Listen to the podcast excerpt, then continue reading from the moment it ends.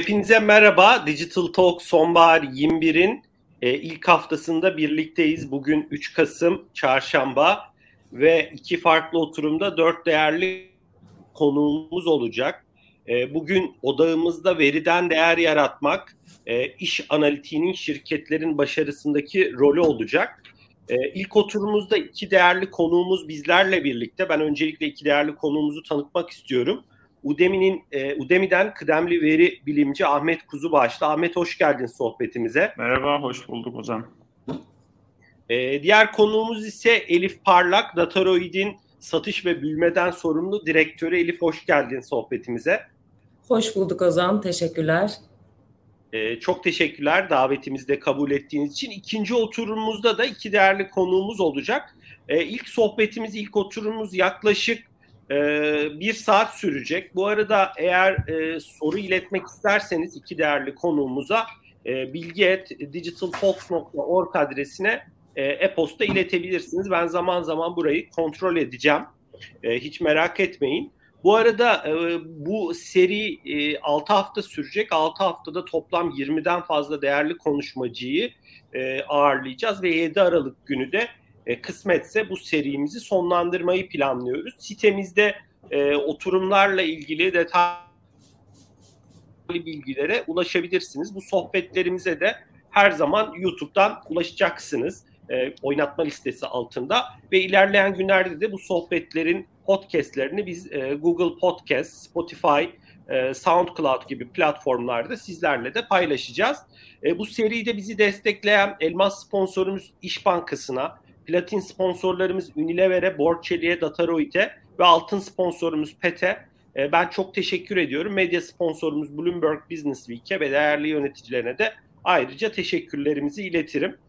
E, Ahmet dilersen sohbetimize seninle başlayalım. Bu arada e, çok yakın bir zamanda geçen hafta e, Udemy e, halka açıldı. Borsaya kote oldu. Hayırlı uğurlu olsun. E, dilersen öncelikle bize biraz e, Udemy'nin dünyasından bahset. E, sonuçta bir eğitim pazar yeri diyebiliriz yanılmıyorsam Udemy için. Evet. E, sizin için hangi metrikler önemli? Biraz e, tabii halkada açıldığınız için şu an tabii bazı verileri paylaşmak e, regülasyonlara da uymuyor ama en azından halka açıkladığınız, kamuoyuna açıkladığınız kimi verileri bizlerle paylaşırsan sevinirim ve e, senin için özellikle bir veri bilimci olarak e, Udemy'de baktığın, önemsediğin metrikler nedir? Ben sözü sana bırakıyorum. Teşekkür ederim Ozan. E, şimdi Udemy e, aslında köken olarak işte Ankara'da, Türkiye'den, ODTÜ'den aslında bir girişim. 2007 yılında Eren mezun oluyor ODTÜ Bilgisayar Mühendisliği bölümünden. Türkiye'de böyle bir sanal sınıf denemeleri oluyor ama olmuyor o yıllarda işte bandwidth o kadar geniş değil. İşte internet kalitesi o kadar yüksek değil. Online eğitime bu kadar e, ilgi yok o, o vakitlerde ve hani daha sonra Amerika'ya taşınıyorlar ve bir iki yıl orada çalışıyorlar aslında. Daha sonra e, yanlış hatırlamıyorsam 30 küsür yatırımcıya gidiyorlar. Hemen hemen hepsinden reddediliyorlar. E, ve daha sonra böyle bir tanesi artık tamam diyor. Hani o ilk yatırım almak çok zordur biliyorsun. Ondan sonra ve işte 2011 Şubat ayında işte Amerika'da o Silikon Vadisi dediğimiz San Francisco'da e, kuruluyor. İşte bu yıl 10. yılı öyle söyleyeyim. E, tabii 60 milyona yakın hani mesela kullanıcı e, açıklanmıştı mesela e, web sitemizde. Yine birçok ülkeden, 200'e yakın ülkeden e, işte dersler, sınıf, e, öğrenciler e, var. Bir, bir marketplace, hani senin de söylediğin gibi pazar yeriz. Udemy'nin kendi dersi yok. Hani birileri alanında uzman kişiler e, o kursları yayınlıyorlar ve diğerleri de bunu satın alıyor. Şimdi e, ikinci bir seçenek daha var. E, artık subscription da geldi. Yani artık siz üye olup belli bir kataloğa üye olup e, satın almak yerine aylık ücret ödeyerek de e, kursları izleyebiliyorsunuz. Bu kurslar tamamen sizin oluyor bu arada. Hani indirip e, internetiniz çekmese bile izleyebiliyorsunuz bu şekilde. Ayrıca e, Türkiye'de az bilindiğini düşündüğüm hani e, ama dünyada e, bizim için iyi bir başarı e, örneği olan işte Udemy Business var. Yani sadece kişilere değil aslında şirketlere de biz paketler satıyoruz. Şirketler hani uygun gördükleri kataloglara e, üyelikler alıp kullanıcılarını e, çalışanlarına bu eğitimleri sunabiliyorlar. Hatta kendileri de eğitim koyabiliyorlar, kurabiliyorlar. Oradan tamamlanması gereken eğitimleri belirleyebiliyorlar mesela ve oradan takip edebiliyorlar aslında. Kısacası sadece hani bir pazar yerin olduğu gibi aynı zamanda bir B2B modelde e, söz konusu. E, ben de 3 yıldır, e, tam olarak 3 yıldır işte bu hafta 3 yıl oluyor. E, Udemy'de çalışıyorum. Veri bilimci Hayır. olarak Türkiye'de teşekkürler. E, işe e, alınan ilk kişiyim aslında e, veri bilimci olarak. Öncesinde de işte savunma sanayinde e, danışmanlıklar yapıyordum. Özellikle veri bilimi, makine öğrenmesi alanında. E, katılmamdaki sebep de aslında bu büyüyen e, pazar ve özellikle de işte milyon ve milyar seviyesinde e, yoğun bir datayla uğraşmak istememdi. Yani öyle küçük tek bilgisayara sığan ya da tek GPU'ya sığan verilerden ziyade böyle milyonlarca kişinin e, ürettiği o büyük veriyi hani e, yaşayabilmekti. E, onun da yolu aslında böyle büyük bir firmaya girmekten geçiyordu. E, bu şekilde söyleyebilirim. Çok teşekkürler Ahmet. E, ilerleyen dakikalarda biraz sizin için önemli olan metriklere ve senin biraz da oradaki e, görev tanımın nelere mesaine harcadığına da muhakkak gireceğiz. E, Elif sana dönelim istersen. E, Dataroid ile ilgili bize bilgi verebilir misin? E, Dataroid ben de tabii ki bu sohbet önce seninle de konuşmuştuk ve Dataroid'i e, biliyordum zaten. Bir etkileşim yönetimi ve büyük veri analitiği platformu yanılmıyorsam diyebiliriz. E, Doğru. Dataroid olarak, Dataroid olarak müşterilerinize ne gibi değerler sunuyorsunuz? E, hangi sektörlere yakınsınız? E, hı hı. Ben sözü sana bırakmak istiyorum. E, Dataroid ile ilgili bizlere neler söylemek istersin? Çok teşekkür ederim Ozan. Aslında çok güzel bir tarifleme yaptın sen. DataRead platformu e, bizim de pozisyonladığımız haliyle bir büyük veri analizi, analitiği ve etkileşim e, yönetimi platformu olarak e, düşünebiliriz. E, biz şu an tabii e, tamamen bütün oda veri ve dijital olan bir ekip tarafından geliştiriyoruz ürünümüzü. Yaklaşık 3 e, yıl aşkın bir süredir de özellikle Türkiye pazarında olmak üzere e, aktif olarak operasyonlarını e, yürütüyor. E, şu an Türkiye'de özellikle bankacılık sektörü ve datanın çok önemli olduğu birçok hizmeti ve servisi dijitalden sunan kurumların kullandığı bir platform olarak düşünebilirsiniz. Şimdi bu büyük veri analitiği dediğimizde ya da müşteri etkileşim tasarımı dediğimizde ne demek istiyoruz? Biraz ondan bahsedeyim isterseniz.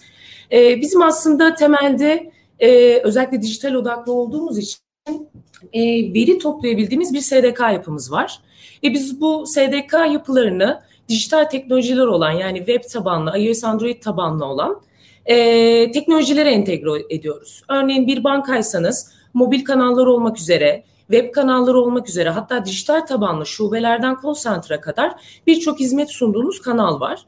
Biz son kullanıcılar olarak da aslında ilk olarak bu markalarla bu kanallarda interaction kuruyoruz. Yani birçok ayak izi bırakıyoruz, başvuruda bulunuyoruz, tanıtım dinliyoruz, e, şikayette bulunuyoruz. Datoroid SDK'larıyla aslında bu tarz dijital e, kanallara entegre olup son kullanıcıların ayak izlerini yani ne kayıtlar bıraktı, nerelere tıkladı, neyi bulmaya çalıştı, e, nerelerde tıkandı ya da hangi işlemleri başarıyla gerçekleşti gibi hareket verisini, ayak izini topladığımız bir yapı sunuyoruz. Şimdi günlük e, yaşantımıza baktığımızda tabii dijitalin de gelişmesiyle, teknolojinin de gelişmesiyle birlikte bizler son kullanıcılar olarak da çok sabırsız ve hizmetleri çok hızlı talep eden bir noktaya geldik. O yüzden de şimdi çalıştığımız kurumlarda da görüyoruz bunu, hedeflediğimiz kurumlarda da görüyoruz. E, dijital dediğimizde hizmetin doğru olması, kullanıcının oradaki ayak izlerinin anlık bir şekilde takip edilip bunu geçmişteki hareketlerle merge'lemek, birleştirmek ve analiz etmek ve bu analizin sonucunda da gerçekten o kişiyi doğru pette, doğru noktada kaybetmeden devam ettirebilmek çok kritik oluyor. O yüzden de diyoruz yani büyük veri analitiği derken kastımız aslında başta dijital platformlar olmak üzere hizmet sunulan kanallardaki son kullanıcı hareketleri. Etkileşim platformu dediğimiz zaman da aslında burada çok büyük bir veriden bahsediyoruz tabii. Yani aslında kurumların kendi yapılarında, kendi iç sistemlerinde de bir sürü veri var ama Datoraid'in bütün oda o son kullanıcının ilk değdiği kanal oluyor. Yani aslında biraz da kurumların belki T-1'de biraz gecikmeyle aldığı datayı etkileşim olarak kanallardan anlık olarak toplayabilme imkanı sunuyor. Şimdi biz bunu topladığımızda da aynı platform altında hem analiz yetkinliklerini sunuyoruz müşterilerimize hem de bu analizler sonucunda aksiyon alabilecekleri ve bu aksiyonu da hem anlık dataya hem de geçmiş dataya bağlayabilecekleri bir yapı sunuyoruz. Şimdi etkileşim dediğimizde bunlar neler olabilir? E, mobil uygulama kullanıcısı, tablet kullanıcısı, web kullanıcısı. Aklımıza ilk gelen tabii ki e, notification'lar yani müşterilere gönderdiğimiz bildirimler. Bu bildirimlerin akabinde kanala çektiğimiz ya da zaten hali hazırda kanalda bulunan kullanıcılara çıktığımız akıllı, yönlendirici, sadece satış pazarlama odaklı değil, plus yani buna ek olarak aynı zamanda kanalda tutundurmaya yani kaybolan bir müşteriyi evet ben şu an senin kaybolduğunu fark ettim ve seni doğru yere yönlendireceğim diye doğru mesajlar çıkmayı sağlatıyor. Ee, tabii hani ben bununla ilgili çok e, örnek veririm sohbetimizin ilerleyen zamanlarında da ama hani çok böyle yukarıdan bakacak olursak e, analik, analitik ve etkileşimle kastımız bu aslında. Analitik datadır. Datayı explore etmek, anlamlandırmaktır. Ve bunu yaptıktan sonra da aynı platform üzerinde, aynı e, data üzerinde e, hızlı bir şekilde o kararları verip müşteriyle etkileşim kurmak. E, Türkiye'de dediğim gibi biz şu an e, çok büyük kurumlarla çalışıyoruz. Bankacılık sektörü başta olmak üzere e, havacılık, FMCG gibi birçok kurum var. Ve bu kurumların ortak noktası yani Dataroid'i kullanmaktaki ortak noktası da e, aslında bu datanın değeri, bu datanın görünür kılınması ve tüm deneyimi, etkileşimi, pazarlamayı, bütün herhangi aklınıza gelebilecek son kullanıcıya hizmet verdiğimiz kanalı bu datadan çıkardığımız şekilde yönetebilmek. Çok teşekkürler Elif. Orada e, Ahmet'e geçmeden so, e, bir soru sorayım net olması açısından. E, siz hem cloud'da çalışıyorsunuz hem de yanılmıyorsam on-premise ya da hibrit modelde de çalışabiliyor musunuz? Oradaki hani ne söylemek istersin? Ee, çok güzel bir soru bu. Şimdi ben tabii birazcık data toplama kısmına odaklandım. Yani biz kanallardan neler toplarız ama e, aslında o size bahsettiğim analitik etkileşim dediğimiz platform çok büyük bir e, altyapı. Ve biz bu altyapıyı e, ilk günden itibaren tabii ki bir SaaS çözümü olarak yani hosted bir çözüm olarak hizmet vermeye başladık. E, yapımızın çok büyük olması, esnek olması ve bulunduğu ortama ba- bağımlılığı olmaması sebebiyle de regülatif bazı sektörler için on-premise desteğimiz bulunuyor. E, keza dediğim gibi cloud bağımlılığı olmaması sebebiyle, cloud free bir ortam olması sebebiyle de e, birçok ortamda da host edebiliyoruz bu yapıyı. Çok teşekkürler Elif. Ahmet dilersen sana dönelim. Ee, sen e, bir de ilk veri bilimcisi e, Udemy'nin olduğunu paylaştın. Bu da çok güzel e, yani değerli bir e, ne diyeyim e, bilgi bizim için. E, peki e, Ahmet ya doğal olarak sen şirkette ekibi de kurdun. Değil mi? Yani bilmiyorum Udemy'de şu an kaç e, veri bilimci var ama sizin e, sessizdesin bu arada Ahmet şu an. Sen sesin kapalı. Ha. Tamam. Ee, sözü sana bırakacağım. Hani son birkaç şey söyleyeyim. Hani soruları ileteyim. Yani sizin ajandanızda ne var? Ee, hangi metrikler sizin için önemli? Elif bahsetti ki Datorite hani bir çözüm, bir platform. Siz neler kullanıyorsunuz? Hangi teknolojilere o anlamda yatırım yapıyorsunuz? İçeride nasıl bir ekip var? Biraz böyle e, hani sizdeki dinamikleri bize aktarırsan e, çok sevinirim. Nelerde zorlanıyorsunuz? E, ben sözü sana bırakıyorum. Türkiye'deki ilk data scientist'im aslında. Türkiye'deki ilk e, veri bilimciyim. O yüzden Anladım. aslında bir Anladım. veri bilim ekibi vardı. ben Amerika'da. Ben sadece işte gidip gelerek onlarla birlikte çalışıyordum. İşte hani o yılın ilk ayları orada, sonra burada devam ediyorum. O şekilde oluyordu. Ee, Türkiye'deki ilk işe alınan e, veri bilimciyim diyebilirim. Biz de veriden biraz bahsedeyim. Şimdi ilk misyonumuz bizim insanların hayatlarını eğitim aracılığıyla iyileştirmek. Yani bu e, duvarda yazan şey bu. Sonra e, veri ekibine geldiğimiz zaman da insanların hayatlarını eğitim aracılığıyla veriyi kullanarak iyileştirmek şeklinde. Biz veriyi üç şekilde kullanıyoruz. Bir, karar vermek, yani kararlar almak, stratejik kararlar almak. İki, diğer takımları enable etmek, diğer takımları güçlendirmek. Yani bu bu da veri ekibinin işi. Veri bizde direkt genel müdür yardımcılığı seviyesinde, işte VP seviyesinde zaten bir organizasyon. Ve veri ürünü geliştirmek, yani işte data products geliştirmek dediğimiz. Ben hani benim alanım daha çok veri ürünü geliştirmek üzerine. Biz bunları kendi aralarında ayırıyoruz. Yani decision scientist dediğimiz karar vermek için veri bilimi yapanlar var. Ee, işte veri mühendisleri var. Ee, event tracking tarzı sistemlerin işte e, yaratılması, eventlerin yakalanması, bunların aktarılması, depolanması ya da işte e, o bütün e, tedarik zinciri, veri tedarik zincirinin e, oluşturulmasına yönelik çalışan mühendis arkadaşlarımız var. Ve veri ürününü geliştirmek dediğimiz yani direkt verinin kendisinden işte machine learning e, ve hani yapay zeka kullanarak tekrar ürün oluşturmak. E, burada hani bir raporlama amacıyla değil de daha çok e, bir gerçekten bir ürün çıkarmak gibi. Benim de zaten daha önceki Udemy öncesindeki tecrübem de bu hep bu yöndeydi. E, yani hani daha önceki geliştirdiğim teknolojilerde da işte doktoradaki çalışmalarım da daha çok bu taraftaydı. O yüzden e, ben daha çok işte arama ve tavsiye motorları tarafındayım. Yani hani bu bunun üzerine çalışıyorum. E, bu bizim zaten büyük e, şeylerimizden birisi. Hani tahmin edeceğiniz üzere insanlar bir e-ticaret sitesine girdiği zaman mesela ilk olarak kafalarındaki aklındakileri şeyi aramaya çalışıyorlar. E, bu işte bu arama ekibini de kullandığımız bazı metrikler var. İşte ne kadar klikleniyoruz, ne kadar gösteriyoruz, ne kadar klikleniyoruz, ne kadarını satıyoruz e, tarzı. E, bu hani bu metriklerden biraz bahsedebilirim ve sadece şunu e, yani çalışma tarzı olarak da mesela yaptığımız işin direkt ürün yapıp koyduğumuzda e, bunu AB deneyleriyle test ettiğimizde ortaya çıkan değeri görmek bizim en büyük motivasyon kaynağımız. Yani hani veriden değer yaratmak diyor, diyoruz ya benim için aylık, çeyreklik ya da yıllık katkımı yani dolar cinsinden ölçebilmek mü- müthiş bir keyif yani hani. sadece akademik e, bir çabanın e, dışında ya da bir hani bir e, bir şeyin dışında tabii ki tutmuyor ço- çoğu zaman. Hani üçte ikisi fail ol- oluyor yani veri biliminde projelerin ama hani o üçte bir e, ciddi e, şey değer yaratabiliyor açıkçası. Katma değer o yaratıyor. Da... Ahmet e, söz, e, sözünü kestim ama biraz veri ürününü geliştirme kısmını açabilir misin? Hı hı. Ee, biraz daha hani belki bazı somut örneklerle bir de sen kimi metriklerden bahsettin.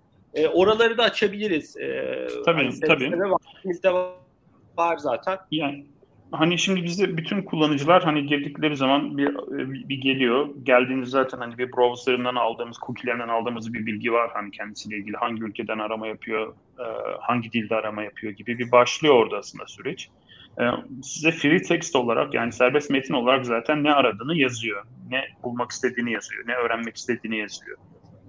E, sizin bunu hani anlayıp, algılayıp amacının ne olduğunu tahmin etmeye çalışıp neyle ilgilendiğini tahmin etmeye çalışıyorsunuz. Yani çünkü o gelen bir şey çok e, basit temel bir metin veriyor size. Sonra o hani klik hareketlerinden bir şeyler öğrenmeye çalışıyoruz. Örnek vereyim mesela işte spelling correction. Birçok kişi mobilde arıyor ya da doğru yazamıyor. Şimdi bizdeki enteresan durum şu. E, insanlar birinden duyuyor ya da internette okuyor. Mesela işte Datoroid diye ben bir şey duydum. Acaba kursu var mı? Ben Datoroid'in platformu hakkında bir eğitim almak istiyorum diyor. Ama Datoroid'i T ile yazabilir mesela. Ya da işte spelling hatası çok müsait. Ya da mesela bir Tableau diye bir e, business intelligence aracı var mesela. Yazmak gerçekten zor çünkü Fransızca falan mesela. Ama ismi o. Ya da Nginx mesela tamam Yani hani e, bir de şey böyle yani nerd arkadaşlar şeyi seviyor böyle. Ünlü harfleri atıp falan böyle sanki yazım hatası yapmış gibi isimlendirmeyi sevdikleri için yani öyle bir durum var ve bunu siz dışarıdan kullanamıyorsunuz maalesef. Dışarıdaki işte Google'ın araçları ya da başka araçlar bunu e, çeviriyor. Ya da mesela eğer dikkat etmezseniz bizdeki ders veren kişilerin isimlerini düzeltmeye kalkıyor. O yüzden böyle dışarıdan hazır alabileceğiniz bir şey değil her zaman için. Mesela bunu geliştirmiştik. Yani ilk ben ilk geldiğimde yaptığım iş buydu mesela. Python, Python da yazsa mesela aslında Python aradığını tahmin etmeye çalışıyorum. Çünkü bizde Python dersi yok yani. eğer Python dersi olursa bu sefer benim yaptığım model bunun farkına varıp aa artık bende Python nasıl kullanılır diye de bir ders var. Artık ben Python'u Python'u Python'a düzeltmeyeyim. Hani bu adam yazılım dili aramıyor. Gerçekten Python arıyor gibi bir e, şey otomatik olarak yapıyor bunu. Mesela siz bir kere bunu geliştirdiğinizde schedule ediyorsunuz. O işte her gün belli saatte kalkıp çalışıp onu e, güncelliyor o tabloyu. O bu sayede devam ediyor. Ondan sonra işte sinonimler var mesela. Hani insanlar her zaman aynı kelimeyi kullanmıyor. Birisi işte attorney diyor, birisi lawyer diyor, işte avukat gibi ya da bazen işte birisi patent dersi arayacak. IP dersi diye arıyor mesela. Öbürü patent diye yazıyor. Aynı tutmuyor birbirini falan. Ee, kısacası bu tarz durumları handle edebilmeniz gerekiyor. Onun haricinde işte e, arama kelimelerinin içinde hangileri mesela işte şimdi siz gidip mesela Amazon'a yazarsınız işte Bluetooth headset under 20 dollars falan gibi mesela 20 dolardan daha ucuz bir Bluetooth kulaklık aradığınızı anlar o. Otomatik filtreleme yapar. Bu tarz şeyler üzerine çalışıyoruz.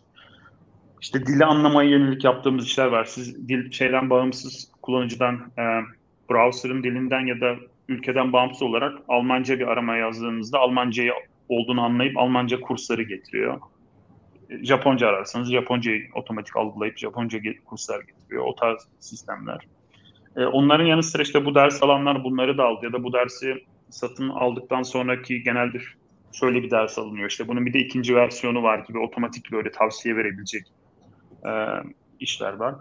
Şey çok ayrı bir dünya. Biz bir marketplace olduğumuz için kimi üst sıraya koyacağımız çok önemli bir konu. Yani aynı mesela işte Python için belki binlerce kurs var bizde.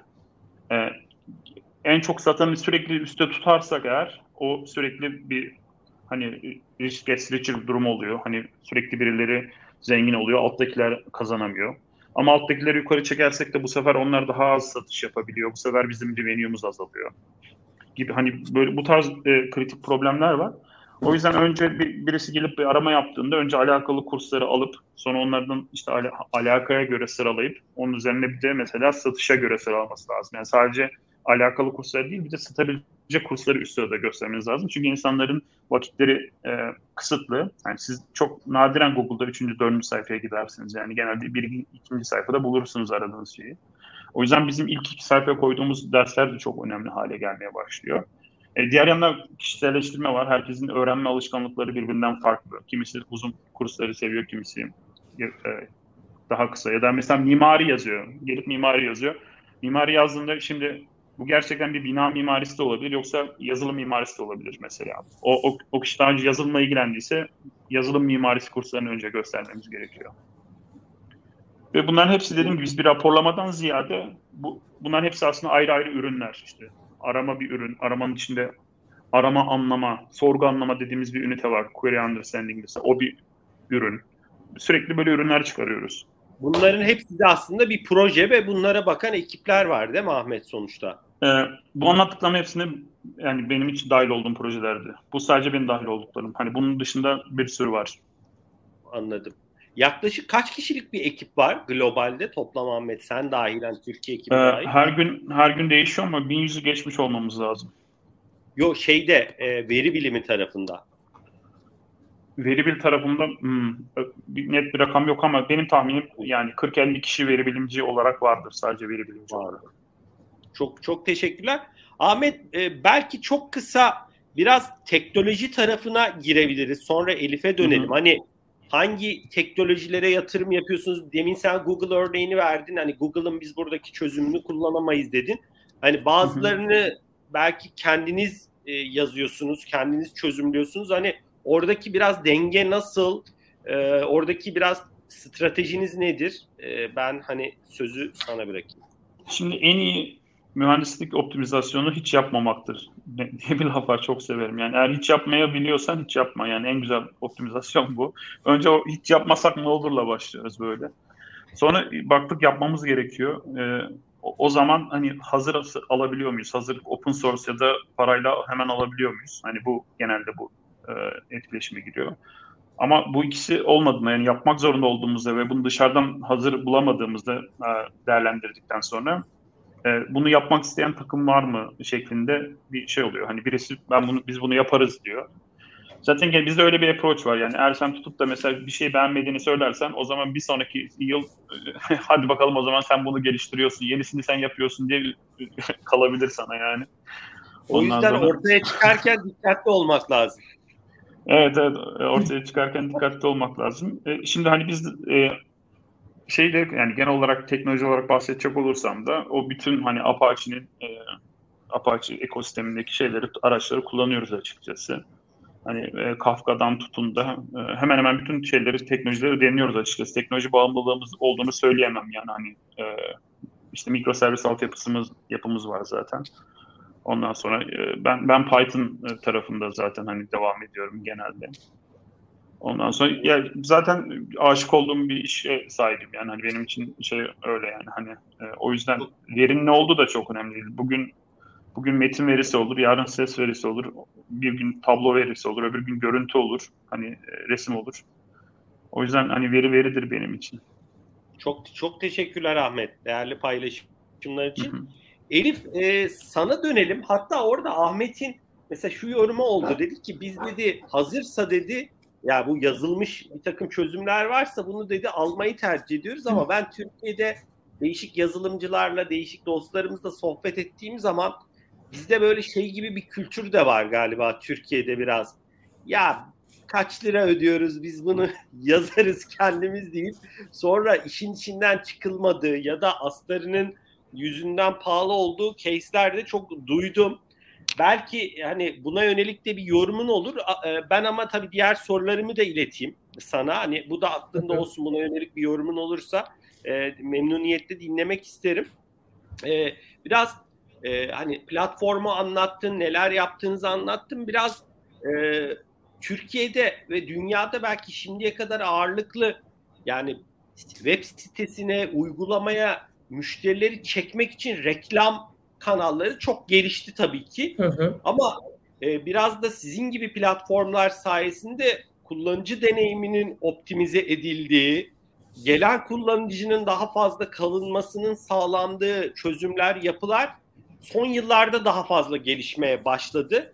Biraz hani buna yönelik e, yorumun ne olur? Artı e, potansiyel büyük mü? Yani şu an farklı şirketlerle görüşüyorsunuz Türkiye'de, globalde. Ben de bir tüketici olarak farklı e, kanalları, siteleri, uygulamaları deniyorum. Bir orada potansiyel yüksek mi? Yani sizin çözümlerinizi sunabilmeniz anlamında söylüyorum ve şirketlerin bu yönde ilerleyebilmesi anlamında. E, bu potansiyelin önünde gördüğünüz engeller var mı? Müşterilerle görüştüğünüz zaman piyasadaki insanlarla e, ve biraz dilersen orada hani çözümlerinize yönelik ne gibi somut hani bazı belki e, bize ilham verecek belki kimi e, belki müşteri adı vermeyebilirsin ama hani böyle farklı case'ler var mı bizimle paylaşmak isteyeceğin? E, ben sözü sana bırakayım çok uzatmadan. Ahmet senin de ek yorumların olursa Elif'in e, söylediklerine yönelik dinlemekten mutluluk duyarız. Elif ben sözü sana bırakıyorum. Çok teşekkürler Ozan. Ben de e, öncelikle hani ilk yorumuna döneceğim. Çünkü Ahmet'i dinlerken direkt şunu hissettim. Gerçekten Udemy Datorade'i kullansa hangi case'leri konuşurduk e, noktalarına değindi aslında ve çok değerli noktalara değindi. Şimdi biz son dönemlerde baktığımızda herkes de farkında bunun. Çalıştığımız kurumlarda da görüyoruz bunu. E, veri odaklı yaklaşıma, dijital odaklı yaklaşıma ciddi anlamda yatırımlar yapılıyor. Şimdi Ahmetlerin vermiş olduğu hizmet yani Udemy'nin vermiş olduğu hizmet de aslında bir dijital platform üzerinden içerik yönetimi, içerik sunma, search edebildiğin, kendini geliştirebildiğin ve her gün karşına yepyeni bir içerik çıkarabilen bir platform. Şimdi biz aslında Datorite olarak tabii şimdi in-house mu, outsource mu, bunu third party mi yapmalı? Bu biraz stratejik bir karar. Ya da şirketlerin kendi kapabilitelerine göre değişebilir. Ama ben şuna inanıyorum. Veri veridir dedi ya Ahmet veri her zaman tam veri olmayabiliyor. Yani muhakkak her konuşma, interaction, şirket içi ya da şirket dışı müşterilerin her söylediği şey bir veridir. Ama veriyi bir data science ekibinin, bir UX ekibinin, bir proje geliştirme, ürün geliştirme ekibinin önüne koyduğunuzda aslında o veriyi bütünsel olarak bakabilmesi gerekmekte. O yüzden ben in-house ya da outsource, third party Dediğim gibi hani çok yorumum olmaz. Sadece şuna odaklı olmalarını düşünüyorum şirketlerin. Yani tavsiye ediyorum daha çok. Ne kadar çok veri toplama yeteneği artarsa ve bunun gücü de her zaman kurumun içinde, ekiplerde bu tool'ları anlama, kullanma, bu tool'u çıkarıp başka bir tool koyduğumda ne kaybederimin farkındalığı olursa içeride aslında bunun in-house ya da outsource olmasının çok bir farkı olmuyor. Çünkü in-house veriye de ihtiyaç var. Yani veri veridir ama veri tam bir veri olmak durumunda. Özellikle bazı modellemelerin, işte ürün geliştirmelerinin e, düzgün bir şekilde yapılabilmesi için. Ahmet'in yorumlarını not ettim. E, Datorate'de çok güzel bir e, use case çalışması olabileceğini de gördüm. Teşekkür ediyorum o yüzden. Ama şu değindiği noktalar çok kritikti. E, paralelde not almaya çalıştım. Recommendation mesela. e, hem de o an kullanıcı oradayken bir recommendation'da bulunmak anlık trackingle, anlık takip etmekle mümkün olabilecek bir şey. Davranışa göre ürün geliştirme dedi Ahmet bu işte fırsat diyoruz ya e, Datorid gibi ürünlerin kanaldan anlık veri ürettiği ve kayıpsız bir veri ürettiği dü- dünyada bütün product geliştirme ekibine IT'si olsun, iş geliştirmecisi olsun, e, pazarlamacısı olsun, growth ekibi olsun hiç fark etmez. Hepsinin ortak bir noktası var. Ürün çıkarmak, ürünü sürekli olarak UX anlamında da modelleme anlamında da iterate etmek ve bunu da dataya dayandırmak. Yani ölçümleyerek yapabilmek. İşte akıllı algoritmalar geliştirebilmek. Landing page'de kime ne gösterelim?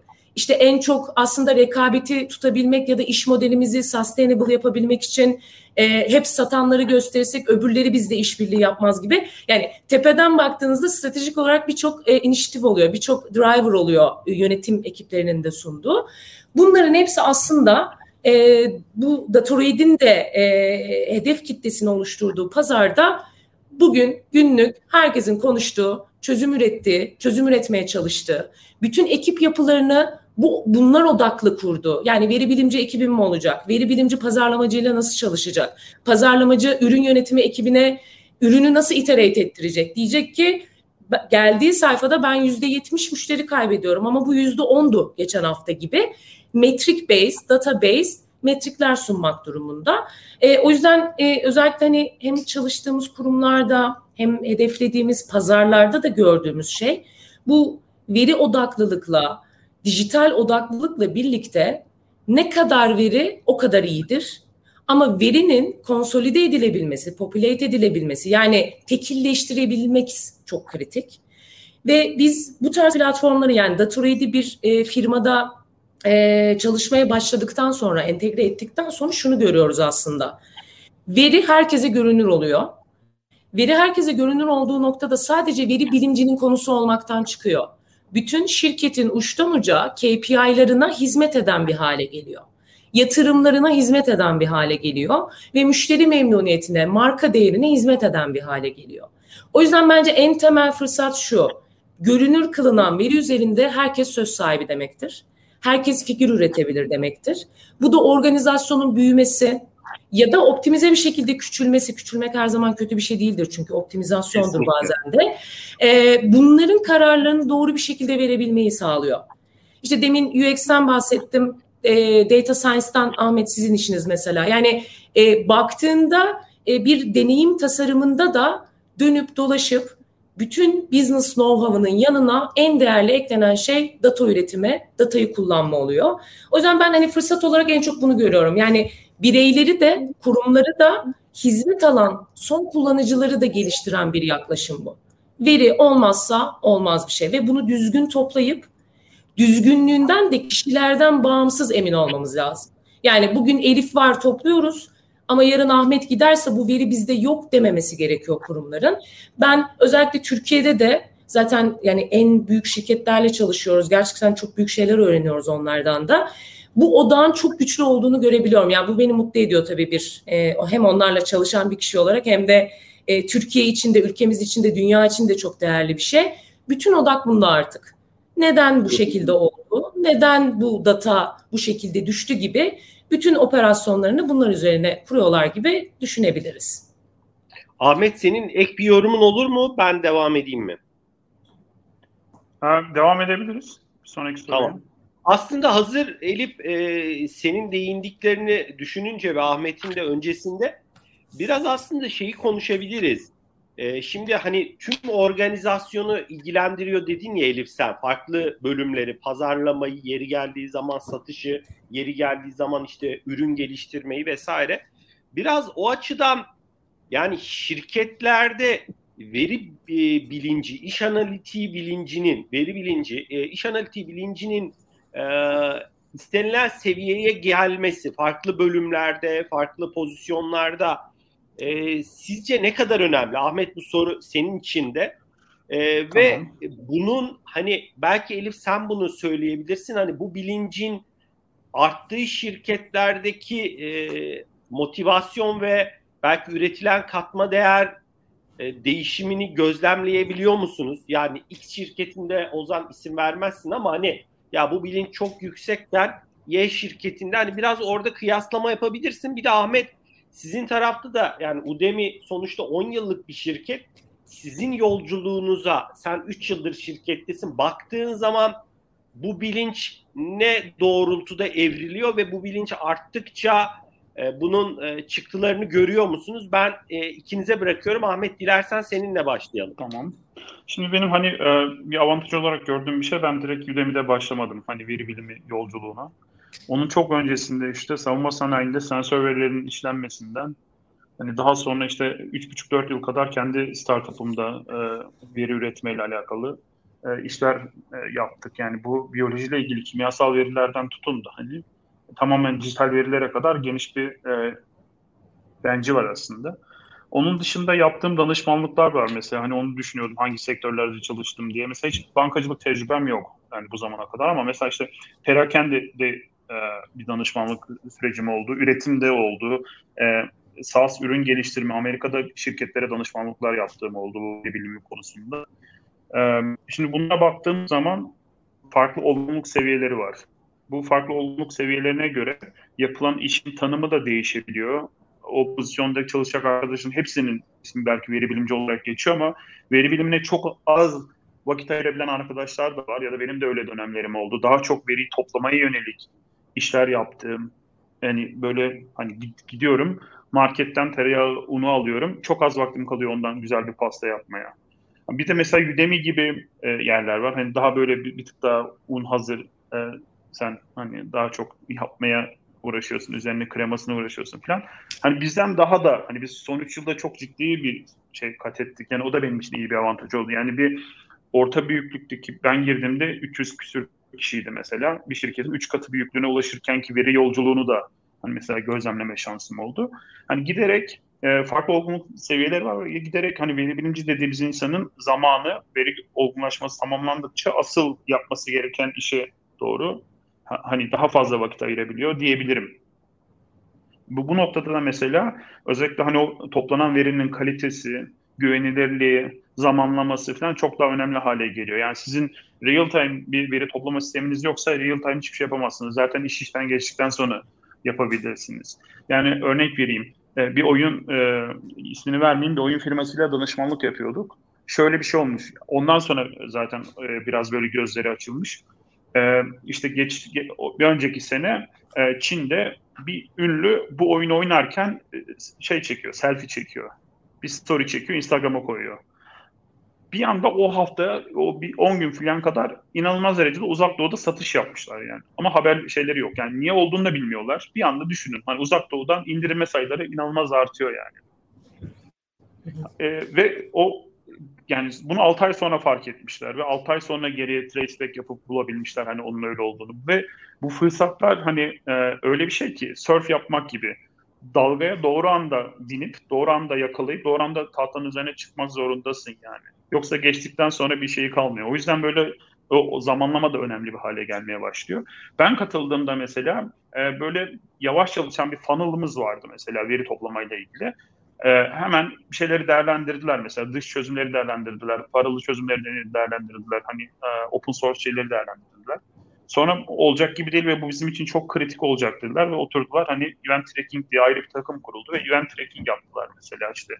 E, hani e, bütün client'lardan web'dir, browser'dır, mobildir, e, hatta televizyonlardan bile, e, televizyon uygulamalarından bile mesela nasıl şey toplarız, anlık veri toplayıp ona göre hareket edebiliriz. Şimdi hani çok daha hızlı bir ıı, karar vericimiz var ya da çok fazla var. Çok, çok daha fazla güveniyoruz mesela.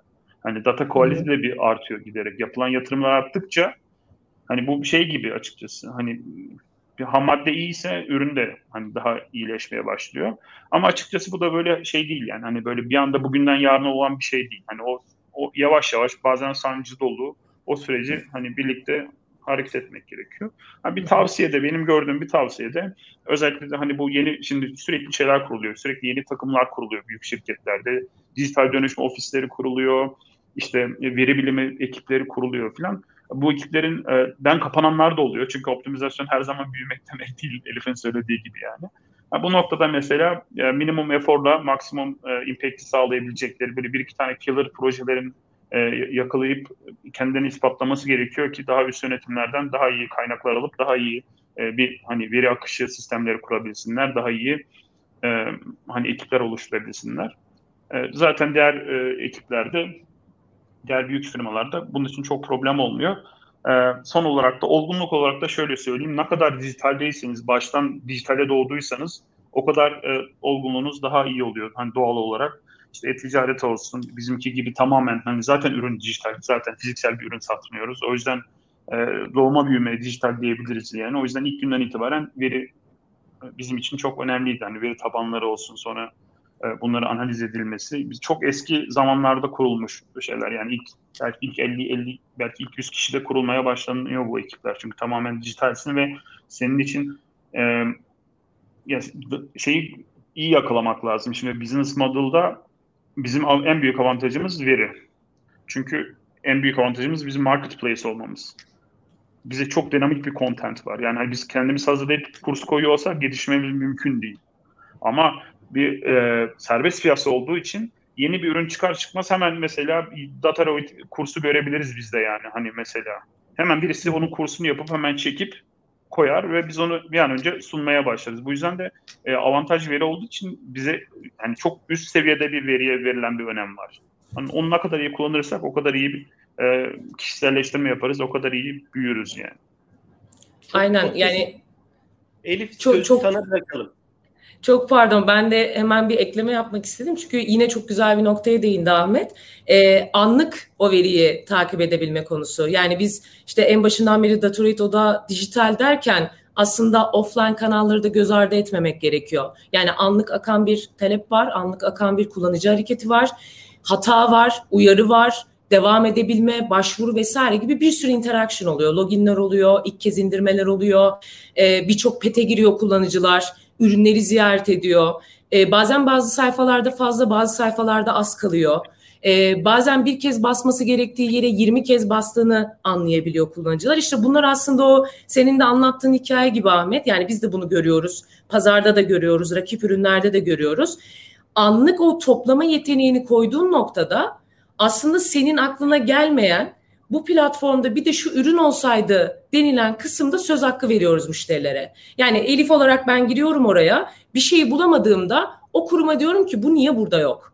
Çünkü ben buraya 10 kez geldim burada olmasını bekliyorum. Çünkü diğer içerikler bana bunu inspire ediyor. Yani neden yoku takip ettiğin noktada 6 ay sonra tabii çok acı verici olmuş ama bunu günlük bazlı, saatlik bazlı belki de dakikalık bazlı takip ettiğimizde bunlar birikiyor ve biriktikçe de ciddi anlamda iş analitiği dediğimiz kısma serve ediyor aslında. Yani evet ilk etapta o, ta- e, o kanalı takip edenler görüyor bunu ama oraya yatırım yapılması gerektiği ikna süreci, bütçesi e, ve buna göre ekip kurulması gibi bütün kuruma silsile halinde etki eden bir sonuç çıkarıyor aslında.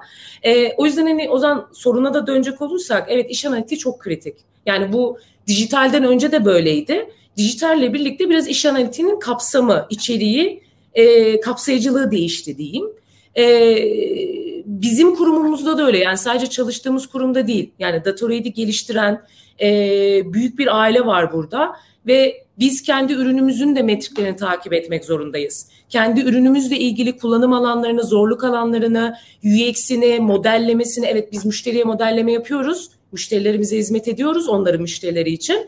Ama biz de bir ürünüz. Yani biz de bir ürün sunuyoruz aslında. O yüzden bu iş analitiği mantığı rekabet için, rekabet üstünlüğü için, kurumsal strateji geliştirmek için, performans, hedef, KPI ölçümü için, karar alma mekanizmalarını dataya dayandırmak için çok çok kritik. Yani başka bir yolu yok hiçbir kurumun. E buna bizler de dahiliz. Yani Ahmet de dahil, ben de dahilim. Hizmet verdiğimiz tüm firmalar da dahil. Şey peki Elif, e, ya sen işin gereği farklı şirketleri ziyaret ediyorsun. Ahmet mesela demin bir örnek verdi hani kapanan ya da küçülen hı hı. ekipler de var. Biraz orada peki hani Türkiye'de e, çalıştığınız şart değil, çalışmadığınızda hani sektörden belki duyduğunuz, ziyaret ettiğiniz hani oradaki bilinç gitgide artıyor mu?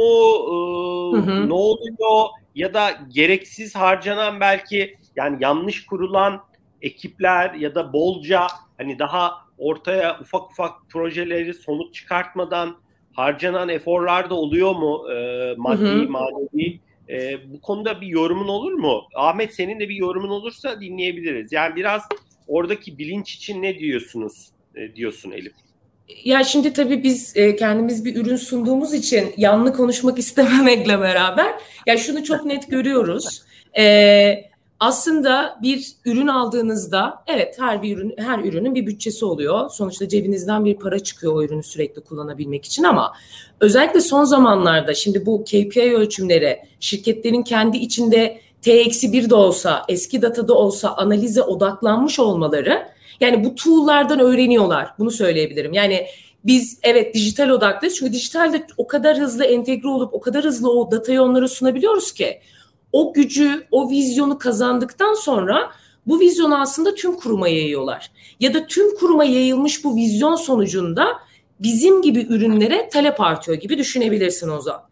Şimdi burada tabii e, kişiden bağımlılık, ya yani kişiye bağımlılık olmaması, Olmaması. bu e, tool'un kolay kullanılır olması, bugün ben yarın başkası o tool'un başına geçtiğinde datasının structured bir şekilde düzgün populate edilmiş. Yarın devredilebilir ama şirketin KPI ölçümünü durdurmayacak şekilde olması gerekiyor. Bunun bize bir artısı Elif, Buyur. Elif orada e, sözünü kestim. Hani getirisinin de Ahmet'in en başta söylediği işte üç tane projenin belki ikisi fail ediyor. Hayata geçirmiyoruz AB testlerinde. Ya o somut çıktığı da görünce ya bu, bu ne kadar para getirdi, bunun getirisi neydi, götürüsü neydi? O da herhalde şirketlerin motivasyonunu arttırıyordur diye düşünüyorum. Ya kesinlikle öyle. Bir de diyorum ya olumsuz diye bir şey yok aslında datanın sonucunda. O olumsuzu görmek o kadar pozitif bir şey ki çünkü neyi yapmayacağını, neyi yapmaman gerektiğini, kime ne mesaj çıkmaman gerektiğini ya da çıkman gerektiğini öğreniyorsun. Ve bu öğrenme süreci negatif pozitif diye bir şey değil. Tamamen bir işte co-creation, co-development süreci yaratıyor. Sürekli geliştirme, sürekli iterasyon, kurumun, şirketin, çalışanların öğrendiği bir mekanizma. O yüzden de aslında baktığında bence özellikle de Türkiye pazarında büyük kurumlara baktığımızda muazzam yatırımlar yapılıyor ve bunu hakkıyla da ölçümleyebilmek için biz ve benzeri ürünlere ihtiyaç duyuyorlar. Ama içeride de kurum içinde de ciddi bir analitik altyapının bu üretilen değerin ölçümlenmesinin de ihtiyacı bulunuyor. Bir şey daha ekleyeceğim. Hani burada yine bir gözlemimi paylaşmak istiyorum. Ee, değişim her zaman olabilir. Biz nasıl son kullanıcıları e, bağlılığını artıram artıramıyorsak her zaman bazen kurum içinde de ayrılmalar olabiliyor. Kurum içinde değişiklikler olabiliyor. Kurum komple ürün yelpazesini bile değiştirebiliyor.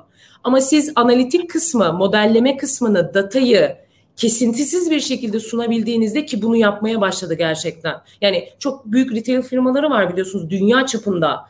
İşte getir buna bir örnek, hepsi burada bir örnek, Trendyol bir örnek. Bankalarımız öyle. Yani dünya çapında hiçbir e, sektörün sunamadığı kadar dijital altyapı ve hizmet sunuyor şu an Türkiye'deki bankalar. Yani muazzam bir noktadalar. E, bunu e, yaygınlaştırmak ve kişileri de buna göre yani ben bir bankada dijitalde çalıştığımda gün içinde sürekli bir şey öğreniyorum. Sürekli datayla ilişkiliyim. Sürekli bir şey ölçümlüyorum diyen kitleler görüyorum. Bu da sevindirici bir durum. Hı hı. Çok teşekkürler Elif. Ahmet ekleyeceğim bir nokta var mı? Ben başka bir soru içeyim mi? Yani bu aslında senin soruna dönecektim ben. Ee, yani hani biraz bir beklenti yönetimini iyi yapmak lazım. Ee, şöyle özellikle 2015-2016 yıllarında böyle fazla bir şey vardı. Verinin üzerinde böyle bir ya her şeye çare olan böyle hani romantizmeye bile iyi gelen bir veri vardı yani hani öyle bir anlayış. Daha sonra bu yüzden birçok e, proje, birçok takım fail etti. Yani çok büyük beklenti vardı başta. Şimdi biraz daha o beklenti doğru ayarlanmaya başladı. Ama bu teknolojinin hemen hemen bütün teknolojilerle ilgili böyle bir şey olur yani. Hani e, yani AR VR'la da ilgili böyle hani bunu da konuşsak yine benzer şeyler söyleriz yani. Hani böyle bir anda her yerde göreceğimizi zannediyoruz ama hala, hala hani o kadar sık kullanılmıyor gibi. Verinin de aslında öyle bir yolculuğu oluyor. O noktada da şöyle şeyler oluyor. Mesela hani eğer veriyi e, topladınız ama üzerine böyle bir şey yapmazsanız eğer hmm, üzerine böyle bir iyi bir analiz yapmazsanız yönetici şey diyor. E, ben zaten bunu biliyorum diyor. Ama sen zaten onu biliyorsan onun riski az demektir. O zaman onun kazancı da az olur. Yani sana learning de az olur. Sana tecrübesi de az olur.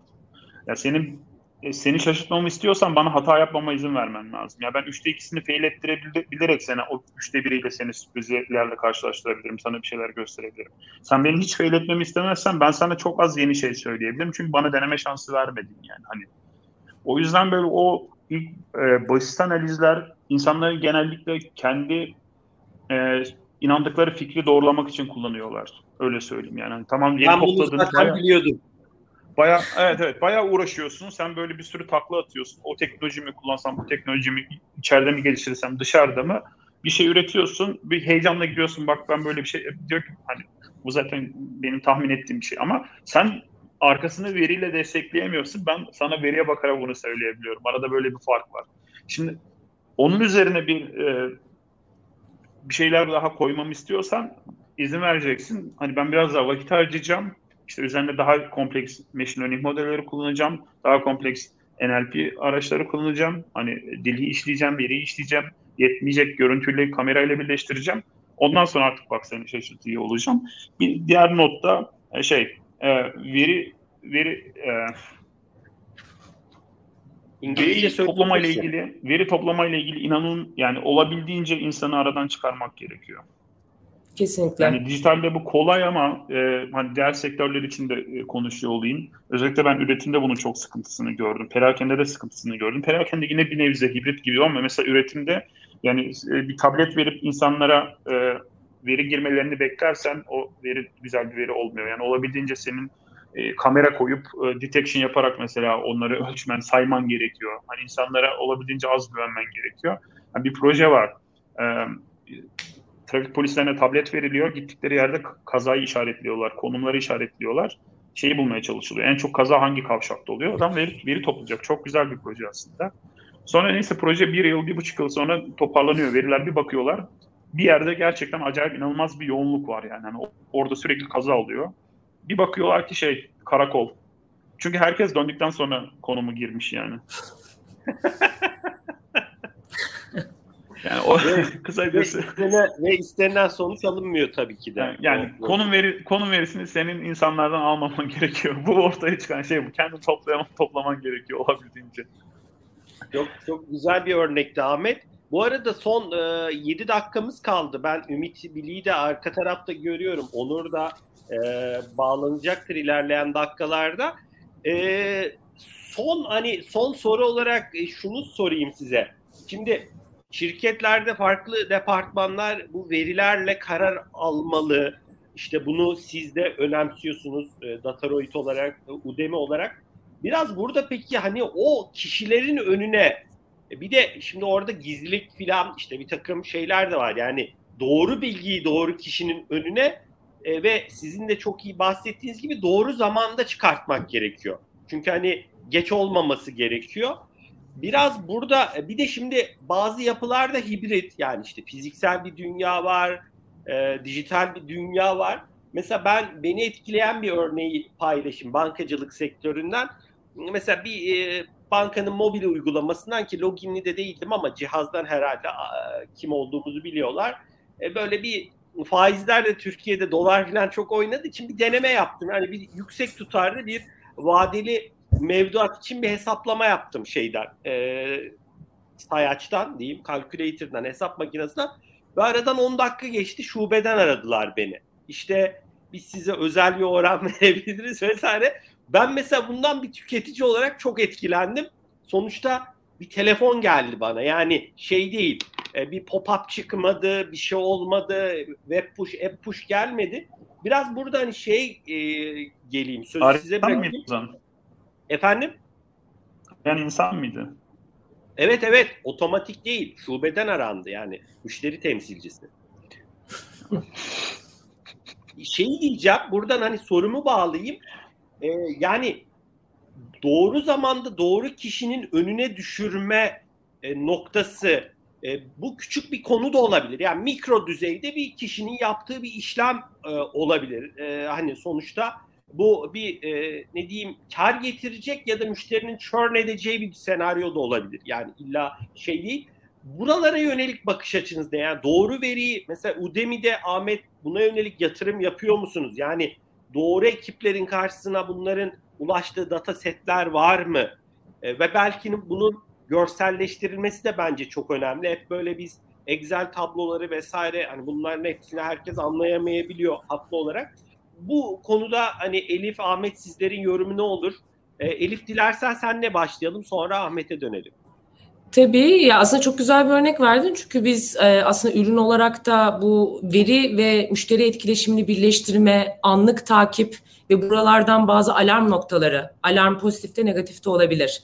E, üretebilme odaklı çalışıyoruz. Yani bütün modelleme aktivitemizde, real time veri besleme olayımızda tüm e, olarak bu use case'ler üzerine şekilleniyor. Çok güzel bir örnek verdim. Mesela senin gibi herkes aranmak istemeyebilir. Bazı dijitale daha yatkın olan kişiler belki dijital üzerinden bu etkileşimi kurmak ister gibi birçok karar mekanizması var.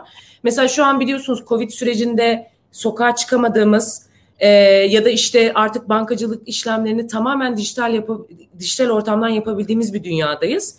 Bu tarz bir dünyada veriyi bilgiye dönüştürmek çok kritik kurumlar için. Senden o başvuruyu alıp tamamlamadığını gördüğü anda senin müşteri temsilcisi tarafından aranman senin segmentinin bir konusu. Sen küçük bir verisin, bir kişisin ama senin gibi 100, 100 bin kişi var. Ya da buna benzer başka davranışlarda bulunan büyük bir kitle var. O yüzden küçük yapı taşları büyük veriden insight çıkarmayı oluşturuyor. Bazen sadece bir kişinin deneyime, deneyimine dokunma imkanı veriyor bize. E, bunu ben yani havacılıkta da gördüm. E, bir yerde uçak bileti ararken oranın Covid ile ilgili regülasyonlu e, orada bulmayı da bekledim. Yani çok talepkarız bu konuda son kullanıcılar olarak. E, o yüzden güzel mikro veri her zaman da büyük veriye hizmet eder diye düşünüyorum.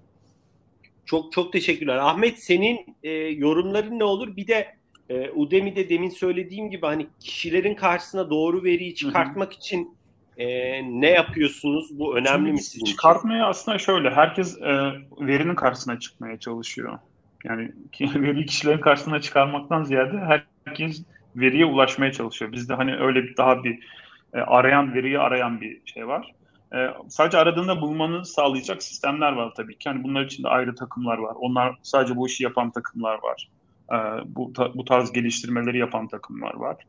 Ondan sonra birkaç farklı aracı birden kullanıyoruz. Bazen birinden hoşnut olmuyoruz. İşte 6 ay sonra sunset oluyor. Yenisini e, kick-off'luyoruz falan. Böyle hani yeni araçlar zaten sürekli arayışındayız e, ve hani sürekli yeni araçlar deniyoruz işte görselleştirme için olsun, exploration için olsun falan. E, senin iyi bir soru sordun hani en başta. Şey e, hani verilerin kimin önüne çıkacağını ya da hani kimin ulaşabileceğini nasıl e, sağlıyoruz şeklinde. Açıkçası hani şey bizde e, finans verisi çok fazla bulunmadığı için hani e, öyle o kadar bir regüle bir şey söz konusu değil bizde ve hani e, transparan e, olmayı isteyen bir şirket. Bunu önceliklendiren bir şirket ve transparan olduğunu söyleyebilirim. Yani ben e, hiçbir tabloya ulaşırken bu tabloyu sen göremezsin şeklinde bir şeyle karşılaşmadım yani. Hani tamam mı bana açık ama işte sorumluca tüketin yazıyor üzerinde yani o, o şekilde sorumlu tüketmek gerekiyor. E, ama hani onun haricinde bir şeyle karşılaşmadım açıkçası. Yani GDPR'ın izin verdiği, KVKK'nın izin verdiği süreçte hemen hemen e, bütün her şeye ulaşabiliyorum. Herkes hemen hemen yani stajyer dahil, yeni başlayan stajyer dahil e, bizde o verilerin tamamına ulaşabiliyor. Yani transparan ama tabii ki hepsi şeyle korunuyor yani e, kanunlarla, e, ticari kanunlarla, Amerikan ticari kanunlarla korunuyor gizliliği. Çok çok teşekkürler Ahmet değerli paylaşımlar için. Bu arada e, zaman çabuk geçiyor. Bir saatimiz dolmak üzere. E, son hani ekleyeceğiniz e, böyle sohbetimizi bu oturumu kapatıp ben e, Ümit'e ekleyeceğim e, sohbetimize. Onur da bu arada e, herhalde az sonra bağlanır çünkü bana söylemişti bir toplantım var. Tam e, dörtte bitecek. Biz gerekirse Ümit'le başlarız sohbete. Son hani yorumlarınızı alabilirim ben Elif, Ahmet e, bu oturumu, bu keyifli oturumu kapatmadan önce. Ben çok teşekkür ediyorum öncelikle. Çok keyifli bir sohbet oldu. Ee, özellikle e, Ahmet'in anlattıklarından aslında bu e, dijital başta olmak üzere hani datanın önemini vurgulama fırsatı bulduk.